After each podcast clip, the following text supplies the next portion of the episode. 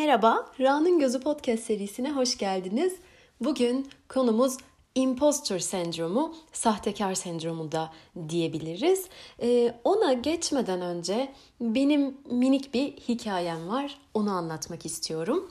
Bir projenin ilk toplantısını yapıyoruz. Yöneticimle birlikteyiz ve karşı tarafa dönüp diyor ki Rasel'in bu projede yer almasını özellikle çok istedim. Çünkü bu konu özelinde en yaratıcı çözümleri bulacak ve bir de işin iletişim ve ikna tarafını rahatlıkla çok iyi şekilde yapacak kişi Rasel'in diyor ve benim içimde kocaman bir bomba patlıyor böyle bom diye kilitlenip kalıyorum. Çünkü benim için çok çok çok büyük iddialar, büyük vaatler. Ben daha kendim ikna olmadım işe, daha projenin içine girmedim. Ne yaratması, ne yaratıcı çözümü. Yani şimdi yüzümden de anlaşılacak ve diyecekler ki bu buradan kalksın çıksın. Çünkü yalan söylüyorsunuz. Bunların hiçbiri gerçek değil gibi şeyler içimde dönüyor.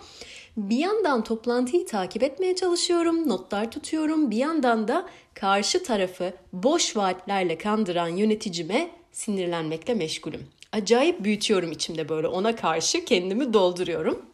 Peki buradaki sorun ne? Az önce söylediğim gibi bana göre aşırı büyük vaatler, iddialar bir de başladıktan sonra bunların içi boş çıkarsa herkes beni işaret edecek tam rezillik yani. O akşam bunun üstüne çok düşündüm. Çünkü bana çok ters gelen bir şey bu. Çünkü ben önce sakince izlerim, gözlemlerim, beklerim. Sürecin ve ilişkinin gelişmesiyle birlikte de ortaya ne koyabilirim, ne ekleyebilirim, nasıl bir şey sunabilirim diye bakarım. Bunun için de zamana ihtiyacım var benim. Ama az önce bahsettiğim durum aslında bunun tam tepe taklak versiyonu. İçimden gelen ilk şey bırakmaktı. Yani yok bu bana göre bir şey değil. Ee, ben bunun için kendimi hazır hissetmiyorum, iyi hissetmiyorum. Ben bundan e, çıkayım ayrılayım demekti ama nasıl yani? Hani ben bunu nasıl ifade edeceğim yöneticime? Çıkacağım karşısına. Böyle cümleler düşünüyorum. Diyeceğim ki ben sizin karşı tarafa söylediğiniz kadar yaratıcı değilim. İletişim ve ikna konusunda da zinhar iddialı değilim mi diyeceğim mesela dedim kendime. Sonra bunları böyle cümleler şeklinde söylerken kendime geldim. Orada bir e, Firdevs Hanım yükseldi yani aptallık etme kendine gel. Ya bir saniye ya ben ben yaratıcıyım aslında. Yani ikna ve iletişimde de hiç fena değilim. Peki ben bundan neden bu kadar rahatsız oldum? Çünkü bunlar böyle çok büyük büyük verildi karşı tarafa. Az önce söylediğim modele ters. Benim e, yavaş yavaş adım adım inşa etmek istediğim, sonra onlarla birlikte ortaya çıkan şeye bakalım dediğim modele ters. Neyse, sonra dedim ki ben en iyisi tüm bu iddia ve bana ters gelen kısmı unutayım, sadece işe odaklanayım. Bakalım ben burada ne yapabileceğim? Ya rezil olacaksam da olayım ya aman yani ne olacak ne olabilir? En kötü ne olur falan diye düşünerek kendimi toparladım. Ama yine de Yöneticimle konuşmak istedim. Kendime de onu şart koştum. Ona tüm içimden geçenleri, bırakma isteğimi, rahatsız olduğum kısımları, gerildiğimi, kilitlendiğimi ve bunların üstüne bütün akşam düşünerek içinden zar zor çıkabildiğimi anlattım ve rica ettim. Dedim ki bundan sonra daha orta bir noktada buluşabilir miyiz? Lütfen buluşalım. Çok iddialı girmeyelim ben kilitleniyorum. O da İşin şu kısmına takıldı. Benim söylediğim her şey doğruydu. Sen dedi onların yalan olduğuna mı inanıyorsun? Ya yok dedim ben de üstüne düşündüğüm zaman evet hani e, birlikte yaptığımız işlerden de bahsettik. Bana böyle somut örnekler de koydu. Bak burada şunu yaptık, şurada bunu yaptık. Ben zaten hani böyle bir şey olmasa bu, bu sözleri orada söylemem. Okey bu geri bildirimler de bu arada bana iyi geldi. Çünkü işi somutlaştırdı ve neye ne demeye çalıştığını anlayabildim. Ama yine de ben o iddiayla girme, vaatler e, yapma konusunda birazcık şeyim. Yani hala daha geride duruyorum. E, ama onunla bu konuşmayı yapmak bana çok iyi geldi ve e, o da madem dedi sen de böyle bir şeye cesaret ettin tamam yani içinden bırakmak geçiyor ama bırakmadın. Madem sen de benim bu söylediklerimi artık güvenip birlikte bunu bir böyle bir deneme tahtası gibi kullanalım dedi. Bakalım hangimiz haklı çıkacak? Ve ben de o güvenle birlikte, o anlaşmayla birlikte tamamen bu kısmı unutup projeye odaklandım. Kesinlikle böyle en iyi yapacağım, süper yapacağım, harika yapacağım falan gibi düşünmedim. Sadece kendim gibi olacağım ve bakalım ne olacak dedim. Sonuç e adam haklı çıktı beyler. yani tabii ki haklı çıktı. Yani o ilk toplantıda söylediği her şeyin geri bildirimi proje bitiminde karşı taraftan aldık. Dediler ki evet ya çok doğru. Yani sizinle çalıştığımıza çok memnunuz. Çünkü tam söylediğiniz gibi bizim ihtiyacımız olan şeyleri verdiniz falan filan. Neyse şimdi benim bu anlattığım hikaye benim kişisel tarihimde impostor sendromunun kıyısından dönüş hikayem.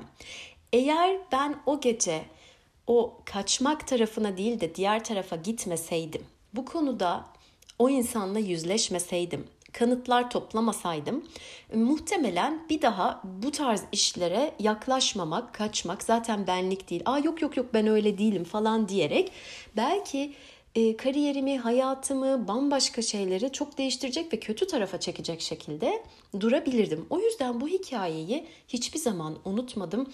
Hep böyle bir notlarımın arasında durur. O güne dön bak derim. Bugün karşıma bir şey çıktığında biraz endişe edip kaçasım geldiği zaman onu hatırlatırım. Yine böyle somut bir şeyler önüme koymaya çalışırım. Peki şimdi nedir bu imposter sendromu? Çok basitçe elde edilen başarının şans eseri, tesadüfen olduğuna inanmak. Yani kişinin kendisi dışındaki faktörlerden kaynaklandığına inanmak. Bazıları için çok hafif ve geçici oluyor ya da az önce anlattığım hikaye gibi böyle hiç kenarından geçip hop kurtarıyorsun. Ama bazılarımız için ağır, yoğun ve sürekli etkisi yaşanıyor. Bunda e, nereden kaynaklanıyor diye bakacak olursak aile ve kişilik özelliklerimiz etkili. Ailede sürekli övülen ya da sürekli eleştirilen çocuklarda ileride bu sendromun görülmesi yaygın. E, kişilik özelliklerine bakacak olursak mükemmeliyetçilerde e, ve anksiyeteye meyilli olanlarda ortaya çıkıyor. Çok mükemmeliyetçi ise kendimizi yetersiz hissediyoruz. Yetersiz hissedince de herhangi bir başarı, bir konum, bir durum, bir iş neyse e, geri durma ihtiyacı duyuyoruz. İşte fırsatları kaçırıyoruz bu sebepten. Çünkü ben o kadar iyi değilim, o kadar yeterli değilim. Bu işin altından ben kalkamam. Halbuki senin çeyreğin kadar olanlar yani basıp geçiyor, yürüyor, gidiyor ama sen hala kendini yeterince iyi görmediğin için o işe bir türlü el atamıyorsun. Anksiyeteye meyilli olan kişilerde de zaten asılsız, gerçek olmayan kaygılar onları sardığı için zaten yine az önce bahsettiğim gibi fırsatları kaçırmak, e, o işin içine girememek ve korkmak, dışarıda kalmak gibi sonuçlarla karşımıza çıkabiliyor. Bunlara ek olarak cinsiyet de önemli bir faktör oluyor bazı konularda. Mesela işte mekanik alanlarda erkekler daha başarılıdır, daha iyidir algısı olan, buna çok inanan bir kadın böyle konularda kendini yetersiz hissedebilir. Yani etrafındaki erkeklerden o işi daha iyi yapıyor olsa bile kendini o noktada görmeyebilir. Şimdi bütün bunları topladığımız zaman karşımıza ne çıkıyor? Ee, başarı, başarıyı içselleştirememek, başarıya sahiplenememek, işte yetersizlik korkusu ve mükemmellik arayışı. Benim hikayemde işin yaratıcılık kısmıyla ilgili şöyle bir şey vardı. Ben bunu tabii ki sonradan da fark etmiş oldum. Yıllar geçtikçe ve biraz bu konularda kendime dönüp baktıkça, tecrübe edindikçe onların beklediği yaratıcılık kavramıyla ya da düzeyiyle benim dünyamdaki yaratıcılık aynı şey değil. Yani ben 10 üzerinden belki 15'lik bir yaratıcılık peşindeyim. Ya da 10 üzerinden 15 olmadığı sürece ben ona yaratıcılık demiyorum. Ama ne var ki bunu herkes yaparcılık falan gibi bir şey geliyor içimden. Halbuki mesela o proje özelinde 10 üzerinden 3, 4 hatta 5 neyse e, puanlık yaratıcılık okey. Yani her işte her şeyde mükemmel ve böyle kat be kat daha iyisini, daha harikasını falan bulmak zorunda değilsin. Birazcık benim topraklanmam ve hizalanmam açısından bu tecrübeler bana çok iyi gelmişti. Ee, Ya evet her şeyin çok daha iyisini yapabiliyorsan yap ama bazı şeylerde o kadarına gerek de yok ya. Yeterince iyi olmak, e, karşına çıkan durumda bunu sadece iş için söylemiyorum. Ne lazımsa o an onu yapabilmek. Yani zamanın ve enerjin varsa daha fazlasını da ortaya koy ama hani o yeterince iyi olmak da okey yani. E, hatta şöyle bir detay var e, kendi doldurduğum kişi, kişilik envanterinde benim hani ne zaman doldurursam doldurayım yaratıcılığım düşük çıkar. Yani buna mesela etraftaki insanlar çok şaşırırlar. Ay bu envanter yanlış falan diye. Hayır o envanter benim kendimle ilgili bakışımı ve düşüncemi ölçüyor.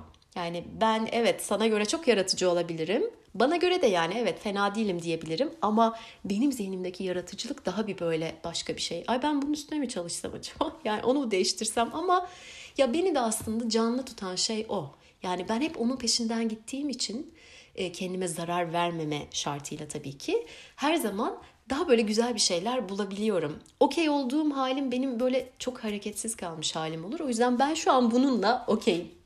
Şimdi bütün bunların ardından imposter sendromuyla nasıl başa çıkılır diye bakacak olursak.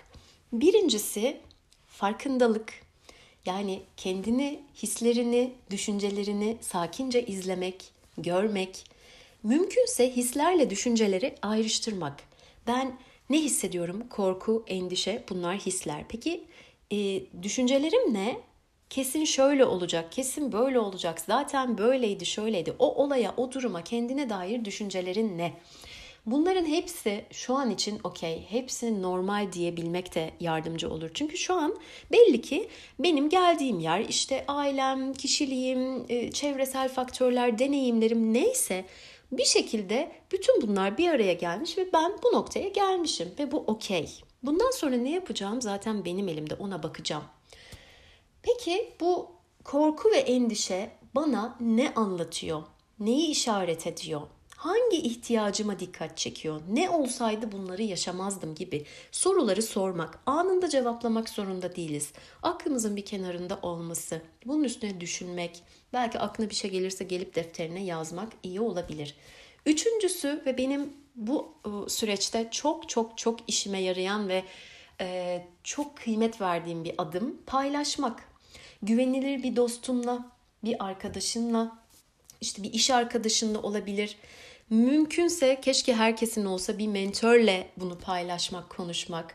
Ee, çok çok yoğun yaşıyorsan bu etkiyi e, bir terapistten yardım almak, bir uzmandan yardım almak. E, bu aşamalarda da bunu böyle sesli düşünmek, içindekini dışarı çıkarmak ve aynı zamanda seni tanıyan, seni bilen, senin süreçlerine şahit olan kişilerden de geri bildirim istemek. Yani aslında somut kanıtlar toplamak e, hani senin için bir şey düşünüyorlarsa sen de diyorsan ki yok ya ben o kadar değilim, o değilim, şu değilim. Onlara da şu soruyu sor.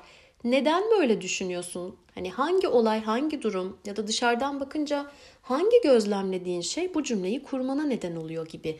Sen o kanıtları topladıkça tabii ki üstüne yine düşünebilirsin. Hala onlarla aynı fikirde olmayabilirsin.